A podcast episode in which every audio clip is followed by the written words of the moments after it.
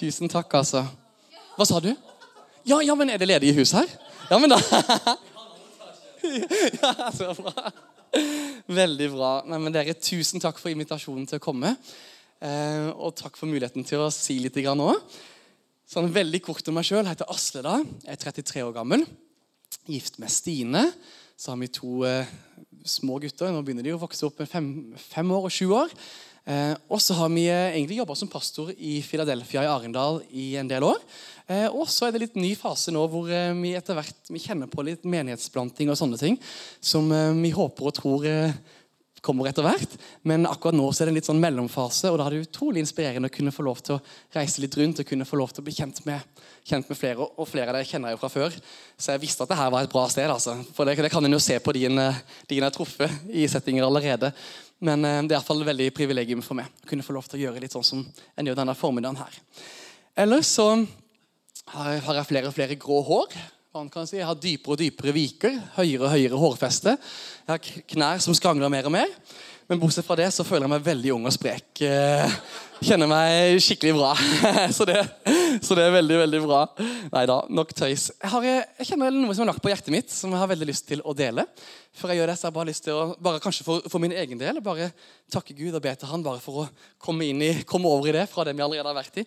Takker deg, Jesus, for at du er her. Det er så nydelig. Takk for at vi kan få lov til å være sammen om ditt ord. Det er jo et kjempeprivilegium. Og det jeg bare elsker med ditt ord, er at det er så levende og så virkningsfullt. Så, så lenge vi får slippe det fram, så tror jeg at det virkelig forandrer oss og gjør noe med oss. Det er min sånn barnslige tillit til du, eh, Hellige Hånd, denne formiddagen her. At eh, du bare gjør ditt ord levende sånn som bare du kan gjøre. Og så ber jeg om at det må gå ut, og så må det treffe, og så må det gjøre noe sånn som bare du kan, Herre. Tusen takk for det. Amen. Amen. Um, Johannesevangeliet er den fjerde boka i Nytestamentet. Og Teologer liker å dele Johannesevangeliet inn i to hoveddeler. Så Fra kapittel 1 til kapittel 12. Det kalles for tegnenes bok. og Der følger vi Jesus, og, som det ligger i ordet. Vi ser hans tegn, hans under, mirakler, det Jesus gjør. Og så er det den andre delen fra kapittel 13 og utover som kalles for Herlighetens bok. Eh, så mye mer handler om eh, den siste uka før Jesus dør, og, tida, og, det som skjer etterpå når Jesus står opp igjen. den siste tida der.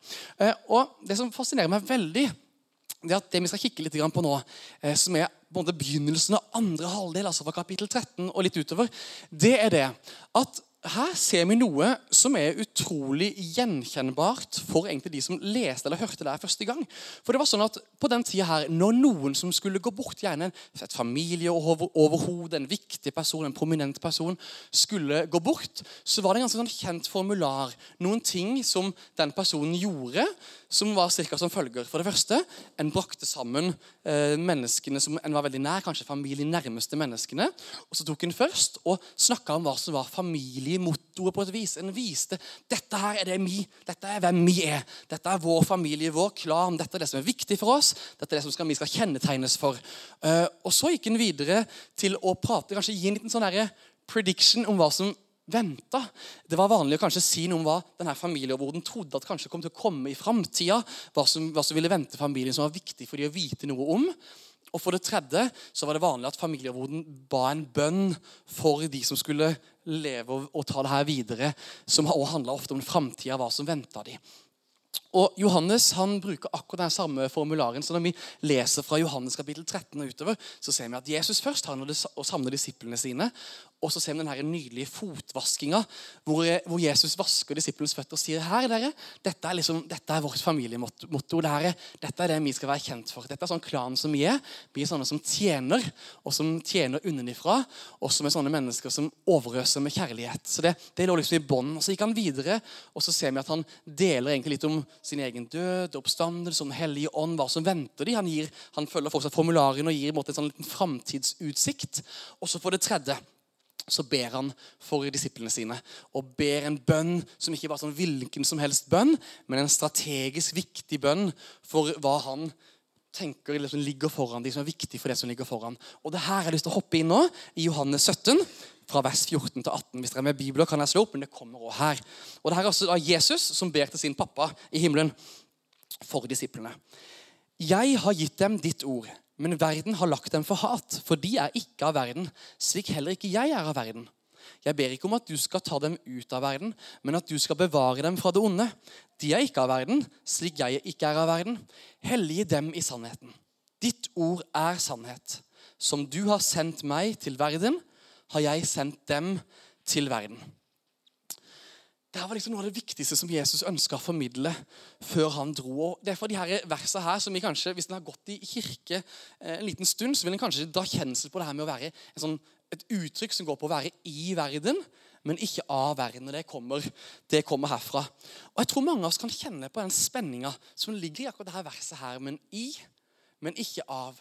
Og jeg vil ta dere med tilbake til 2005 det er jo begynner å bli ja, det er ikke gamle dager, men det begynner å bli en liten stund siden. Da var jeg akkurat ferdig på videregående skole. Eh, og jeg skulle begynne i siviltjeneste på noe som heter Nednes ungdomsskole. så var den ungdomsskolen som jeg selv hadde gått på. Så det var en sånn rar opplevelse. Bare noen år etter at en hadde liksom vært elev der, så satt en plutselig på lærerværelse med læreren en hadde hatt, og som en hadde stor respekt for. Og så husker jeg en av de første eh, dagene jeg var der i min siviltjeneste, satt vi på lærerværelset før et sånn morgenmøte, morgenmøte all, allmøte på morgenen. Eh, og så var det en av de her gamle høvdingene som, eh, som, begynte jeg vet ikke hvordan kom inn på det, men som begynte å dra noen spøker om dette med helbredelse. Og begynte å, å dra fram Åge Samuels. Og, begynte å, og, liksom, og han sa noe greier, så jeg husker bare gjorde at hele lærerværelset begynte å bryte ut i latter. Og så husker jeg sjøl òg at jeg begynte å le var påvirka liksom alt som skjedde rundt meg. Så, så, sitter jeg der, og så er det en som forteller liksom at ah, um, om helbredelse og det går ikke an, og det ene og andre, og hva, hva Åge Samuelsen hadde sagt og gjort. Og så sitter jeg der og ler, og så husker jeg, så kikker jeg rundt meg. Og alle ler, bortsett fra én person. Han het Olav Vikse. Han er faktisk nå rektor på skolen, og han er en av nøkkelfolka i Misjonskirka i Arendal. Han satt bare der, jeg husker når mine øyne traff hans øyne, så var det ikke sånn, det var ikke noe fordømmelse, sånn, det var bare kjærlighet. Men jeg husker selv når jeg kikka på han, så kjente jeg ah, Asle, det stakk. Stakk meg liksom skikkelig i hjertet. Og jeg har tenkt på det etterpå. Hva var det som var forskjellen på meg og på Olav Vikse? Jeg tror det at En av hovedforskjellene var at jeg, jeg var både i lærerværelse og av lærerværelse. Men Olav, mens han var i lærerværelse, så var han ikke av lærerværelse. Det var noe annerledes med han. Og Jeg vet ikke hvordan det er i ditt liv, om du har kjent på den spenninga. Jeg vil tippe det, for jeg tror de fleste av oss kjenner på det på ulike vis. Den spenninga at den på en måte, Det er noe annet på innsida av oss, men så møter den en verden som, hvor ting på mange måter krasjer. Og det er egentlig akkurat det der jeg har lyst til å på en måte brette litt ut og forhåpentligvis oppmuntre deg rundt. Hvordan kan vi, som egentlig så nydelig allerede har blitt snakka mye om og blitt bedt for, eh, for Glenn her tidligere år, som handler om hvordan kan vi som er meint å gjøre en forskjell i samfunnet, vi som er meint å gå ut der og bringe noe fra himmelen ut, hvordan kan vi klare å leve i det her spenningsfeltet som handler om i, men ikke av? Hvordan kan vi være sånne fantastiske lys og vitner i den settinga der. og Det er det jeg ønsker å se litt på. Og Det første punktet mitt på et vis da, det er, eller første tilnærminga som jeg ikke anbefaler, men som skal liksom ta oss litt på vei, det er ikke i verden og ikke av verden. Jeg vet ikke hvor gode dere er i matte, men eh, hvis, eh, hvis min matte funker, så er det her 50% riktig. Stemmer ikke det? Her treffer vi på det ene, men vi bommer litt på det andre. Og Selve grunntanken med et sånt syn som det her, det er jo at verden den er fy. Verden er liksom, det, det er ille. Hold deg vekk. Og Nå skal han ikke generalisere for mye, men jeg sitter med en sånn følelse at kanskje de av dere som vokste opp noen generasjoner før meg og min generasjon, kanskje har kjent enda mer på det her på kroppen. Eh, en så kjente bibelvers som f.eks.: Skikk dere ikke lik denne verden. Og, og hvor mange måter en tenkte at det var, det, var, det, var, fælt, så en måtte bare holde seg unna. Jeg husker Min, min svigermor hun, hun, forteller eh, mange historier fra barndommen. og En som liksom, hun har virkelig brannmerka Hun var at hun skulle feire noe, feire noe, hun hadde ansvar for noe i søndagsskolen der. Og så hadde hun tatt med seg noen ballonger inn eh, for, for å gjøre det litt fint. Og da hadde hun fått en skikkelig overhøvling fordi hun tok med seg ballonger inn i, inn i, Guds hus. For det hørte ikke til. på en måte. Og Hun kan fortelle mange historier om hvordan eh, på mange måter, hvordan en tenkte at nei, men, vi bare holder oss heller vekke. Vi bare lar, lar være, Istedenfor å liksom ha den problematikken med at hva skal vi ha det, hva skal vi ikke ha det. Vi bare holder oss helt unna. Og så tenker vi at verden er ille, og så skal vi måtte være, være et annet sted. Og På mange måter så kan dette føles en sånn approach som det kan føles trygt ut. Men i lys av det Jesus ba, som vi leste, så mener jeg at dette blir helt feil. faktisk. Og jeg tror også Historien viser oss at uansett hvor, hvor tjukke murvegger som kirkebygg har, eller bedehus har, eller menighetslokaler har, så klarer en ikke holde verden ute. og og en klarer heller ikke holde 15-åringen inne. Så det, det, det er, her, er det, her, er det, noen utfordringer som er, som en bare må på mange måter face. Og Jesus sa i Johannes 17.: Jeg ber ikke om at du skal ta de ut av verden. Jeg ber ikke om at du skal ta de ut av verden. Men så stopper han ikke bare der, for det ville jo vært en litt sånn nøytral statement. at jeg ber deg ikke bare Gud om at du må ta de vekk. Men så sier han videre at 'jeg sender de til verden'. Så det, blir, måte, det, det, er ikke bare at en skal liksom holde seg litt, sånn, litt, litt på avstand eller midt imellom, men den er faktisk sendt til verden. Det er sånn Jesus ser det. Og Apostelen Paulus som reiste rundt og så planta mange menigheter, han fascinerer meg på mange måter. Men det som også fascinerer meg, er denne historien om eh, korinterne. For vi har jo to vers fra korinterne, eller unnskyld, to, to, eh, brev fra korinterne som vi har fått, uh, fått, bevart. Men det kan se ut som at det var et brev han har sendt tidligere, eh, hvor han tydeligvis har sagt noe om at de må holde seg litt unna ting. De må måtte, sørge for at de, at de liksom ikke måtte, blir for like. Eh, men så ser vi da i, i første korinterne at da Paulus måtte korrigere det. Så ser vi han skriver til dem. Eh, jeg skrev i brevet til dere at dere ikke skal ha noe å gjøre med folk som lever i hor. Jeg mente ikke alle i denne verden som driver hor eller er grådige eller er ransmenn og avgudsdyrkere, for da måtte dere jo gå ut av verden. Og Hva er det Paulus sier her, og hva er det inntrykket vi ofte får når jeg sitter igjen og jeg leser Bibelen min? Det er at adressen for vårt liv med Jesus det er liksom ikke på utsida der ting skjer, men det er en måte midt blant der mennesker er. Jeg tror Gud passerer oss midt inn i ulike spennende verdener, som Glenn inn i politikken, og som andre inn på sin skole eller sin arbeidsplass. Det er ikke meningen å stå på utsida, men jeg tror Gud faktisk ønsker oss midt der hvor ting skjer. Og så er det jo klart at Vi har et kjempehåp. Som kristne så tror vi at det, det, venter oss en evighet sammen med Gud. Ny himmel, ny jord, hvor alt er bare fantastisk. Så vi har et kjempehåp. Men inntil den tida der kommer, så er faktisk adressen vår den er her. Og det kunne få lov til å bringe noe fantastisk fra himmelen på de stedene hvor vi er. Og Det fører meg til min andre, eller den andre tilnærminga, som er hvis, hvis, matta mi fortsatt er på plass, så er det også fortsatt bare 50% Det er i verden og av verden. Og her, som i forrige variant, så treffer vi på én av to. Og igjen, jeg skal ikke generalisere, men her er det nesten fristende å si at kanskje vi som er litt yngre jeg sa jeg hadde litt grå hår og litt eh, dype viker, og sånn, det er sant, men jeg føler meg fortsatt ganske ung. Og jeg tror at vi som er yngre, ofte kjenner mer på denne biten her.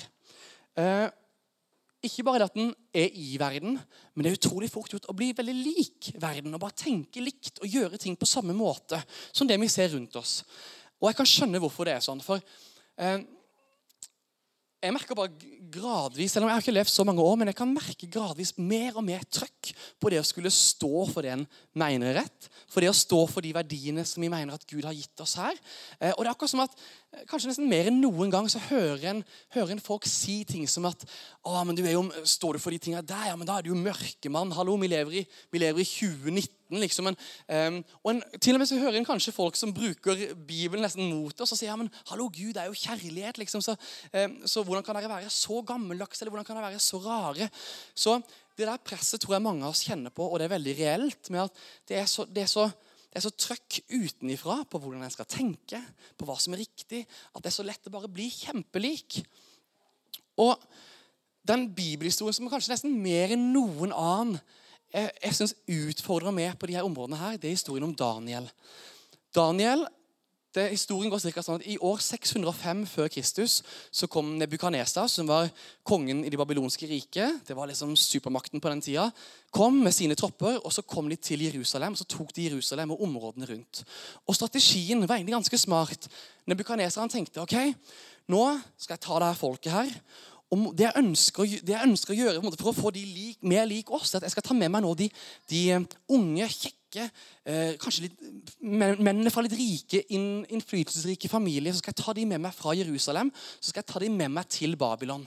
Eh, og Da var liksom rett og tanken noen år med trening i palasset, hvor de på mange måter skulle indoktrineres. Jeg kan, nesten, jeg kan nesten si det sånn, Hvor på mange måter Israel skulle ut av de, og så skulle Babylon inn i de.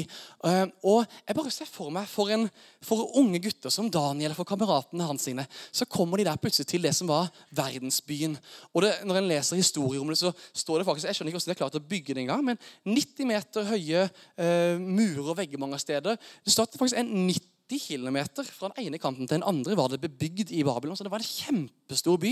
Det var et annet språk, det var en annen måte å tenke på. Og her kommer noen unge gutter som, som har måttet blitt bortført og tatt med dit for å prøve å bli påvirka så mye som mulig. Og der står de kanskje, jeg vil tro, ganske overvelda. Og det jeg bare elsker med Daniel, da, det er at han, han skjønner veldig fort at selvfølgelig, nå er jeg jo i Babylon. Men så er det akkurat som at han eh, bestemmer seg for at ja, men er i Babylon. Men jeg skal ikke være av Babylon. Jeg er i, men Babylon skal ikke komme inni meg.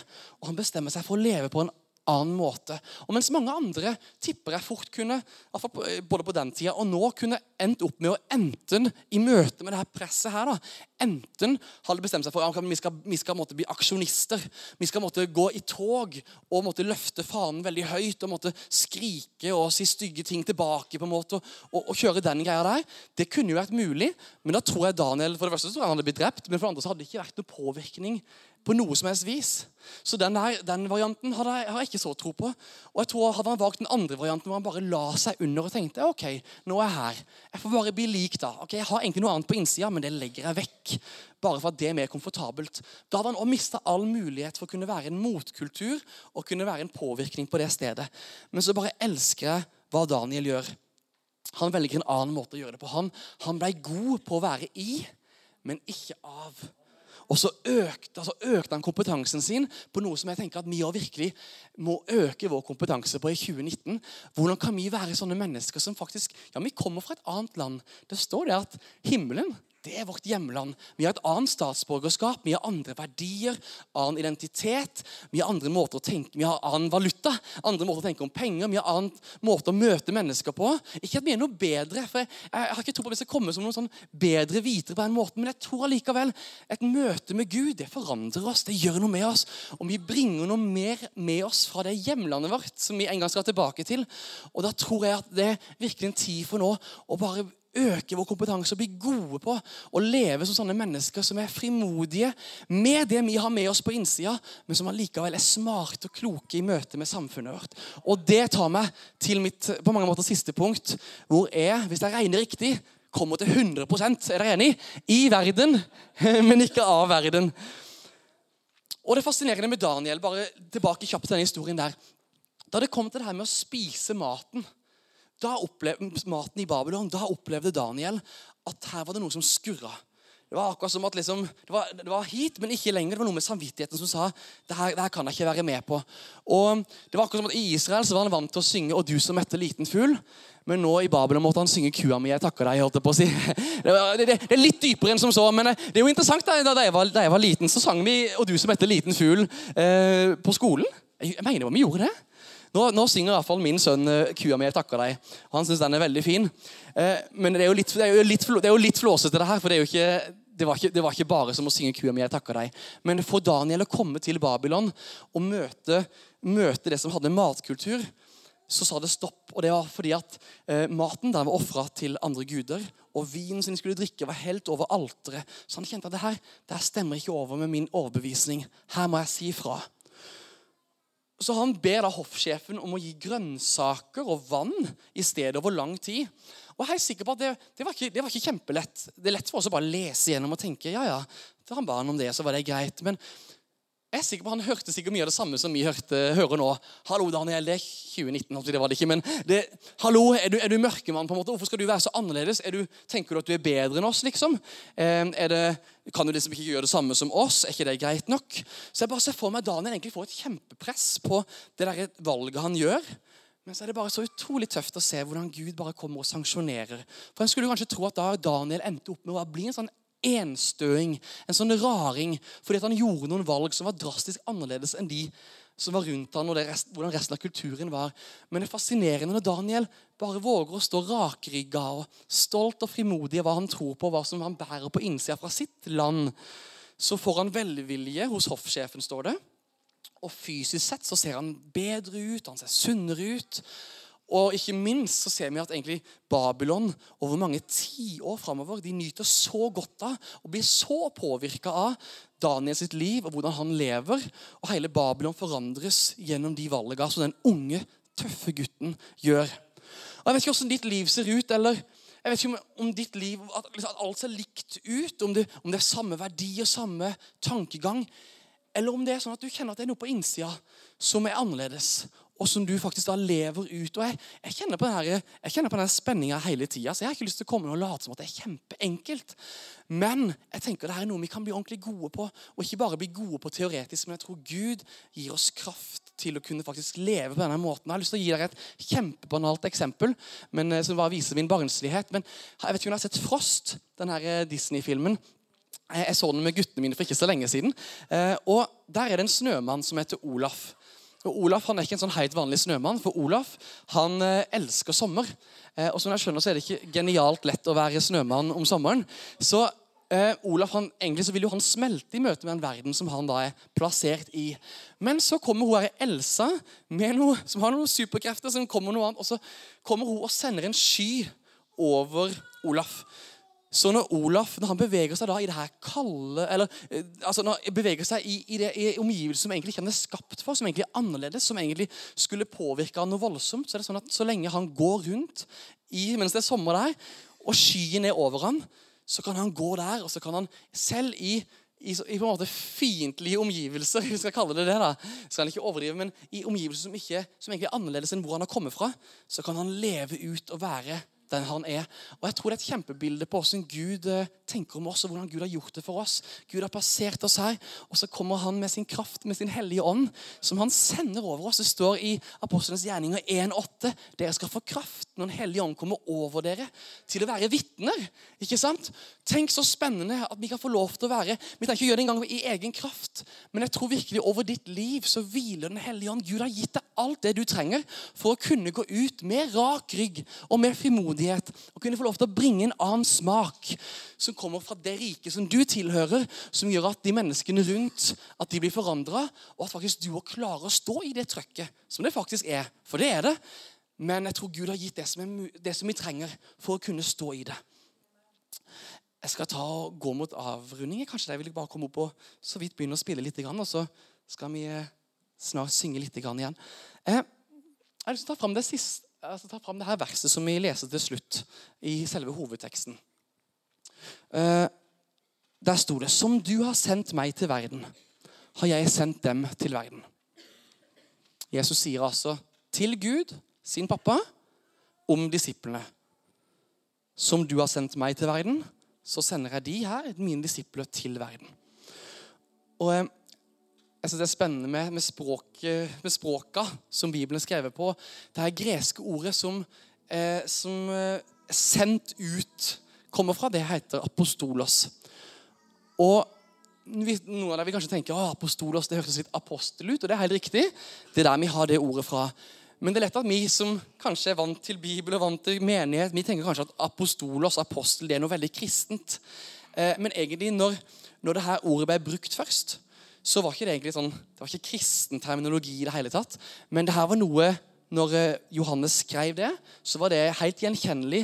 Fordi det her, er, det her er et uttrykk som, mener, som betyr utsending. En som er sendt ut. Men ikke på hvilket som helst oppdrag, men på et helt bestemt oppdrag. For det som romerne kalte for apostolos, det var sånne mennesker som de sendte ut til et sted som hadde blitt okkupert. Så hvis romerne hadde vært og måtte overtatt et nytt område Det som skjedde i kjølvannet av det, det var at da sendte keiseren ut eh, mennesker som var lærere, filosofer, religiøse ledere, handelsfolk, musikere, ulike deler av samfunnet, eh, som ble sendt ut eh, til det nye stedet som hadde blitt overtatt av Roma. Og mandatet var veldig tydelig. De gikk ut med keiserens autoritet og Der skulle de gå, og så skulle de ta og påvirke det stedet, forandre det stedet, sånn at det ble likt Roma. Sånn at en dag når keiseren ville komme på besøk, så ville han føle seg hjemme. Da ville det kjennes ut sånn som det skulle være. Og Det er et sånn nydelig bilde på hvem vi er meint å være, hvem Gud tenker at du er. At du er en sånn apostolos som Gud tenker å, jeg sender ut du gutten min, du jenta mi. Om det er på skolen din eller i barnehage, hvis det er en jobber, eller om det er i helsevesenet, eller om det er i politikken, eller om det er andre slags sfærer av samfunnet, for å påvirke i forhold til musikk eller i forhold til kultur eller andre typer ting.